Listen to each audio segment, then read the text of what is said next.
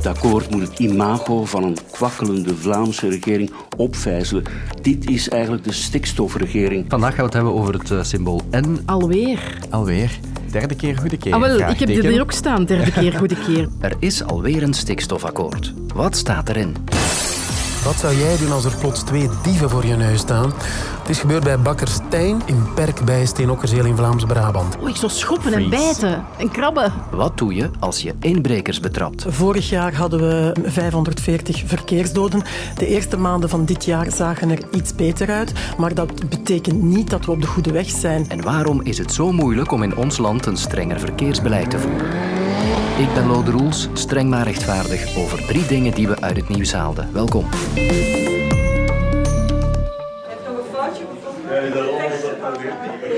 Blije gezichten vanochtend op een persconferentie over stikstof. En dat zijn we niet gewoon. In het midden van de nacht kwam er namelijk goed nieuws. Vlaams minister-president Jan Jambon mocht het als eerste posten op X. Akkoord bereikt in stikstofdossier, uitroepteken. En dat uitroepteken staat er niet zomaar. De Vlaamse regering heeft de afgelopen jaren al meerdere keren deals gesloten over stikstof, maar moest elke keer haar huiswerk opnieuw doen. De voorbije dagen werd er opnieuw lang en veel onderhandeld. En vannacht raakten de ministers het dus eens. Allemaal goed geslapen? Kort en krachtig. Goedemorgen allemaal, beste mensen van de pers. U ziet het wellicht aan de lachende gezichten hier achter de tafel. Eh, de Gordiaanse knoop rond stikstof is ontward. En Anne van Rentergem van onze politieke redactie vat in één minuut samen wat er nu in dat stikstofakkoord staat. Algemeen is eigenlijk uh, dit het opzet. Dus in Vlaanderen moet de uitstoot van stikstof met de helft naar beneden tegen 2030. En uh, vooral landbouw en industrie moeten daarvoor inspanningen doen. Ze moeten uh, heel wat maatregelen nemen, bijvoorbeeld luchtwassers plaatsen in stallen, dat is een voorbeeld. Nu, de landbouw die moet eigenlijk meer doen. Ze wordt strenger behandeld, tot 40 keer strenger zelfs dan de industrie. Er is wel een klein beetje meer mildheid voor de landbouwers nu in het nieuwe akkoord. Bijvoorbeeld eh, de piekbelasters, dat zijn de landbouwbedrijven die het meest uitstoten, een vijftigtal, die zullen niet meer gedwongen eh, moeten sluiten sowieso. Zij krijgen nog een kans als ze dat willen om zich in orde te brengen. Eh, daarnaast was er ook een drempel waarboven boeren zelfs geen vergunning konden aanvragen als ze dat wilden. Maar ook die groep die mag het nu eigenlijk nog proberen, zeg maar. En boeren zouden ook, wanneer ze een vergunning aanvragen, rekening mogen houden met boeren in hun buurt die stoppen en daardoor zelf dus een beetje milder behandeld worden. Ook minister Gwendolyn Rutte, die mee aan tafel zat, zegt dat de boeren in dit nieuwe akkoord wat meer marge krijgen. En ze vindt dat een goede zaak. Uh, ik stel voor, als we dit allemaal achter de rug hebben, dat we misschien toch samen eens een ijsje gaan eten in de abdij van Averboden, die in elk geval opnieuw perspectief krijgen om te blijven doen waar ze al 900 jaar goed in zijn. Dat is natuurlijk maar één dossier, maar het is een symbooldossier dat bij uitbreiding geldt voor heel veel anderen in Vlaanderen. Opnieuw kansen krijgen om uh, een vergunning te krijgen een beetje het gevoel, het kan opnieuw. Wel, zo eenvoudig is het niet, denk ik, want de regels blijven natuurlijk heel streng hè, voor de landbouw. Ehm, de vraag zal zelfs zijn voor welke boeren het effectief haalbaar uh, zal zijn om nog uh, zich in regel te stellen. Hè, want al die reducerende maatregelen, dat kost allemaal vaak heel veel geld. Um, dus laat ons zeggen, het akkoord zorgt voor duidelijkheid voor de boeren, maar dat betekent niet per se voor iedereen altijd goed nieuws. Het uiteindelijke doel blijft wel hetzelfde, zegt landbouwminister Joop Broens. Onze natuur letterlijk en figuurlijk meer ademruimte geven. Wij verwachten van die landbouwsector dat zij van 37.000 ton stikstof gaan naar 18.000 ton tegen 2030 is dat nog wel haalbaar nu het akkoord wat milder is geworden? Het is echt wel nog altijd de bedoeling om dat te doen lukken. Um, enerzijds uh, wil men dus dat doen lukken door bedrijven heel veel reducerende maatregelen te laten nemen. Anderzijds is er ook geld voorzien om bedrijven op te kopen en dus te laten stoppen eigenlijk. Daarvoor is er nu al zo'n 2,7 miljard euro voorzien. En dat betekent dus dat wie dat wil aan de regering kan vragen om overgenomen te worden en daar wordt dan een bedrag voor opgesteld, zeg maar. Maar goed, enkel de tijd zal leren of dat allemaal samen dan effectief zal lukken om die stikstofuitstoot uh, zo naar beneden te halen. Uh, de oppositiepartij Groen die is alvast bezorgd dat het niet genoeg zal zijn om uh, de natuur te sparen, zeggen zij. Toch lijkt de regering zeker van haar stuk. Dames en heren, het belang van dit akkoord is immens. De Vlaamse regering bewijst eens te meer dat ze in staat is met de moeilijkste dossiers knopen door te hakken. Maar daar heeft Anne toch wel vraagtekens bij. Men zoekt natuurlijk al jaren een oplossing voor stikstof. Um, een akkoord vinden dat was enorm moeilijk. Maar het is nu dus wel gelukt. Dus op zich is dat een goede zaak. Uh, maar aan de andere kant, ja, het was ook wel van moeten. Hè. Iedereen zag dat dit akkoord nu echt wel nodig was. Er was heel veel onzekerheid. Uh, en de, ja, er was mogelijke chaos die zou kunnen beginnen ontstaan rond vergunningen. Dus dit moest gebeuren. Het was al lang nodig. En misschien is het wel jammer dat het zo lang heeft moeten duren. Dat het al die politieke clashes heeft veroorzaakt. Laat ons zeggen dat parcours in zijn totaliteit zal alvast nooit een, eh, een schoonheidswedstrijd winnen. Oké, samengevat. Zijn we er nu dan? Nee, absoluut niet, hè, want de teksten zijn nog niet helemaal klaar. Dus ja, het is afwachten of bijvoorbeeld de Raad van State daar nog kritiek eh, op zal hebben. En we zullen ook moeten afwachten of het doel van die stikstofreductie met de helft tegen 2030, of dat gehaald zal worden. En bovendien moet er nu verder met Europa ook gepraat worden over wat er dan na 2030 moet gebeuren. Dus we zijn absoluut nog niet uitgepraat over stikstof, denk ik. Joe, bye bye.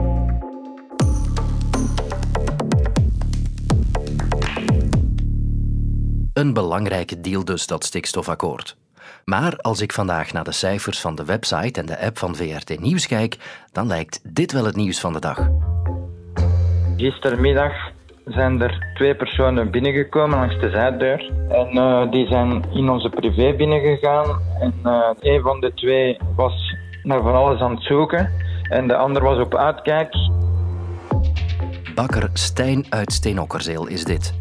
En hij heeft eigenhandig inbrekers in zijn huis in bedwang gehouden. En op het moment dat er een van de twee in de handtas van mijn vrouw zat te snuffelen, is mijn vrouw er recht op uitgekomen. Mijn vrouw begint te roepen, ze zaten in mijn handtas, dus ik heb die samen met de winkeldochter naar de keuken teruggeduwd. En daar hebben ze aan vastgehouden, de politie gebeld en uh, de politie heeft hem dan overmeesterd en gefouilleerd. Ik zou dat nooit doen, nooit doen. Echt niet. En deze goede raad komt van Jos de Larbre. Hallo, goedemiddag. Hij is docent inbraakpreventie aan de politieschool. En hij geeft mij drie gouden regels om te onthouden bij de start van het inbrakenseizoen. 1. Vermijd een fysieke confrontatie. Je weet nooit hoe dat zijn inbreker zijn eigen gaat voelen en hoe dat zij zijn eigen gaat verdedigen. Stel je voor dat hij niks bij heeft en je gaat hem te lijf en je slaagt hem eigenlijk meer door breuk of wat dan ook, dan heeft dat gevolgen voor jezelf, strafrechtelijk, maar ook het feit dat je nooit weet wat een inbreker bij heeft. Heeft hij een wapen bij? Heeft hij niets bij? Heeft hij een mes bij? Heeft hij een schaar bij? Dus die confrontatie, ik zou die echt wel uit de weg gaan. In sommige gevallen mogen je geweld gebruiken voor jezelf en anderen in je woning te beschermen. Dat heet dan wettelijke verdediging. Maar het geweld dat je gebruikt mag niet op voorhand beraamd zijn. En ook het geweld dat je gebruikt mag niet als doel hebben de inbreker te verwonden of te doden. Dus daar zit wel heel een strafrechtelijke procedure achter. Ik zou heel veel lawaai maken. Dat een inbreker hoort van oei, er is iemand thuis. En dan gaat hij die confrontatie uit de weg gaan, dan gaat hij vluchten. Die hebben een beetje schrik ook. Ten eerste heb je schrik om betrapt te worden. En ten tweede om die confrontatie met een slachtoffer. Want ja, oké, zij weten ook niet wederzijds van wat gaat dat slachtoffer met mij doen. 2. Een wapen gebruiken is geen goed idee. Ik zou dat nooit doen, een wapen. Nooit. Ik zou dat niemand niet aanraden om een wapen te gebruiken met de confrontatie met een inbreker. Nooit. Veel te gevaarlijk. Het moment dat je een inbreker betrapt, je adrenaline die gaat enorm stijgen en je zit in een, in een stressfactor en je weet nooit zelf wat je gaat doen. En drie, Hou inbrekers buiten met enkele simpele preventieve maatregelen. Goede contacten met uw buur, uw woning een heel bewoonbare indruk geven. Bijvoorbeeld door een lichtje met een tijdschakelaar of een nabotsing van een tv-simulator. Dat kan allemaal. Nu, dat zijn dingen die, die heel weinig geld kosten en die toch een enorm effect hebben op uh, het gedrag van een inbreker. Een inbreker die schuurt lawaai en licht. Dus uh, als jij rondom je woning een verlichting hangt met een bewegingssensor en die springt aan wanneer er iemand aan je woning komt, gaat dat ook wel afschrikken voor een inbreker. Verlichting en je huis echt een bewoonde indruk geven als je niet thuis bent en alles, alles slotvast achterlaten wanneer dat je vertrekt. Als je weet dat een gemiddelde inbraak ongeveer, ongeveer tussen de vier en de zes minuten duurt, ja, dat gaat heel snel hè. Dus politie is altijd te laat. En daarom is ook het meldgedrag van de omwonenden heel belangrijk. Zie je iets verdacht in uw straat, zeg je van, hm, dat lijkt me toch niet kosher, bel de politie alstublieft. Hey, horen, zien en melden, zeggen wij. Verkeersinstituut VIAS trekt aan de alarmbel. Ons land doet te weinig om het aantal verkeersdoden tegen 2030 terug te brengen. Van 540 nu naar 320, zeggen ze.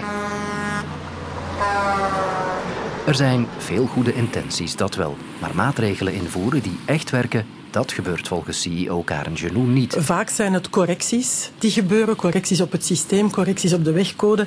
En uh, de maatregelen die genomen worden, hebben te weinig impact. Dus we moeten uh, de acties bijstellen, we moeten de maatregelen uh, meer in het systeem gaan nemen om het aantal verkeersdoden terug te dringen. In een memorandum gericht aan de politiek stellen ze dan ook een reeks maatregelen voor die meteen een verschil kunnen maken.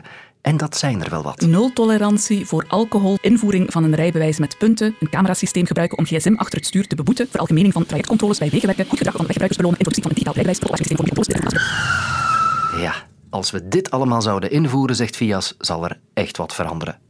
Ja, daar heeft Vias wel een voor groot stuk gelijk in hoor. Er is vaak, uh, zeggen waarnemers, aankondigingspolitiek, maar te weinig uh, daadkracht. Dit is Hajo Beekman, de verkeersexpert op onze redactie. Waarop loopt het dan vast in ons land, Hajo? Ja, het heeft niet te maken met één factor natuurlijk. Hè. Er zijn een aantal sporen die je moet volgen. Als je per dossier kijkt, bijvoorbeeld, een heel bekende is het rijbewijs met punten, maar bijvoorbeeld ook het voorstel om uh, camera's te gaan gebruiken om mensen te betrappen die met de gsm in de hand hè, aan het bellen zijn terwijl ze aan het rijden zijn. Iedereen is het er eigenlijk over eens dat, zeker in Vlaanderen, dat die twee dossiers daar moeten komen en uitgevoerd worden. Wat het rijbewijs met punten betreft, is dat daar toch ook populistische argumenten spelen. Vooral bij onze zuidelijke landgenoten. Uh, je ziet dat politieke partijen zoals de PS en de MR en Ecolo, dus de drie regeringspartijen, elkaar een beetje vliegen aan het afvangen zijn. Daarachter zit ook een populistische uh, redenering, namelijk wij denken dat de kiezer nog vanuit de onderbuik redeneert, hè, dus die is vaak een automobilist en we willen die niet voor het hoofd stoten. Terwijl cijfers uit het buitenland laten zien dat als je een rijbewijs met punten invoert, uh, daar toch een, een, duidelijke voordelen zijn uit, uh, uit de pure qua verkeersveiligheid. Als we een ander dossier nemen, zoals het uh, gebruiken dus van camera's om mensen te betrappen die ja, onveilig bellen achter het stuur, dan gaat men natuurlijk wat oudere argumenten naar boven halen, zoals ja, wat met privacy. Daar gaan sommige Vlaamse partijen ook in mee, zoals Open VLD. Dus ook dat dossier zit eigenlijk geblokkeerd op een aantal privacy-argumenten. Ik heb de indruk dat sommige politieke partijen ja, secundaire argumenten inroepen om het eigenlijk niet in te voeren, want men is bang om die onderbuik te raken van de Vlaming. Een argument dat je soms ook hoort is de onderbezetting van sommige diensten. Justitie bijvoorbeeld zou te veel boetes gewoon niet kunnen verwerken, klopt dat? Dat klopte voor een groot stuk enkele jaren geleden, voor een klein stuk nog steeds. Als je we kijken naar bijvoorbeeld de marges die worden gehanteerd bij het beboeten van overdreven snelheid. Achter het beboeten van mensen en het handhaven van snelheidsregels, als daar zeer veel dossiers uitkomen, miljoenen per jaar, dan heb je een goed digitaal systeem nodig. En daar heeft door ja, ook een gebrek aan investeringen in de laatste decennia justitie in België een grote achterstand opgelopen. Die wordt nu ingehaald, maar je ziet daar nog altijd de gevolgen van. En dus justitie kan niet altijd mee. Vlaanderen is ook dicht bebouwd. Het is niet makkelijk om sommige dingen zomaar in te voeren en het kost allemaal geld ook natuurlijk. Wel, als je het hebt over bijvoorbeeld inderdaad uh, infrastructuur, dus wegen, fietspaden, uh, dat kost sowieso veel geld. En dat betekent als je zegt van ik wil alle gewestwegen en lokale wegen bijvoorbeeld voorzien met, uh, ja, met, met fietspaden die veilig afgescheiden zijn van het autoverkeer, ja, dan spreek je sowieso over een investeringstermijn van minimaal 20 jaar en miljarden euro's uiteraard.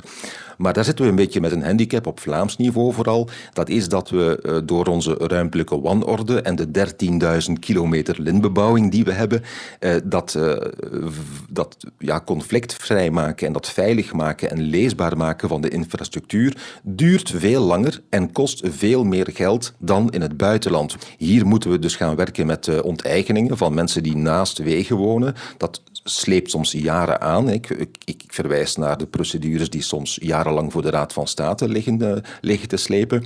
En dat maakt het duur, langdurig en uh, dat betekent ook dat wij zelfs meer dan één generatie zullen nodig hebben om die infrastructuur meer leesbaar en veiliger te maken. En zelfs dan nog, met al die bebouwing naast onze wegen, zal het nooit zo zijn als in sommige regio's in, uh, in Europa waar je die lintbebouwing eigenlijk niet ziet. Voorzichtig dus maar als je deze podcast momenteel beluistert, ergens in het kletsnatte verkeer daarbuiten. Morgen is Sofie je gids in het kwartier. Waar was jij toen de paus België bezocht in 1985? Of toen Levin Rani besloot een wandelingetje te maken in Plankendaal in 2018? Catherine van Doorne praat met ooggetuigen in de podcast Ik was erbij. Nu op VRT Max.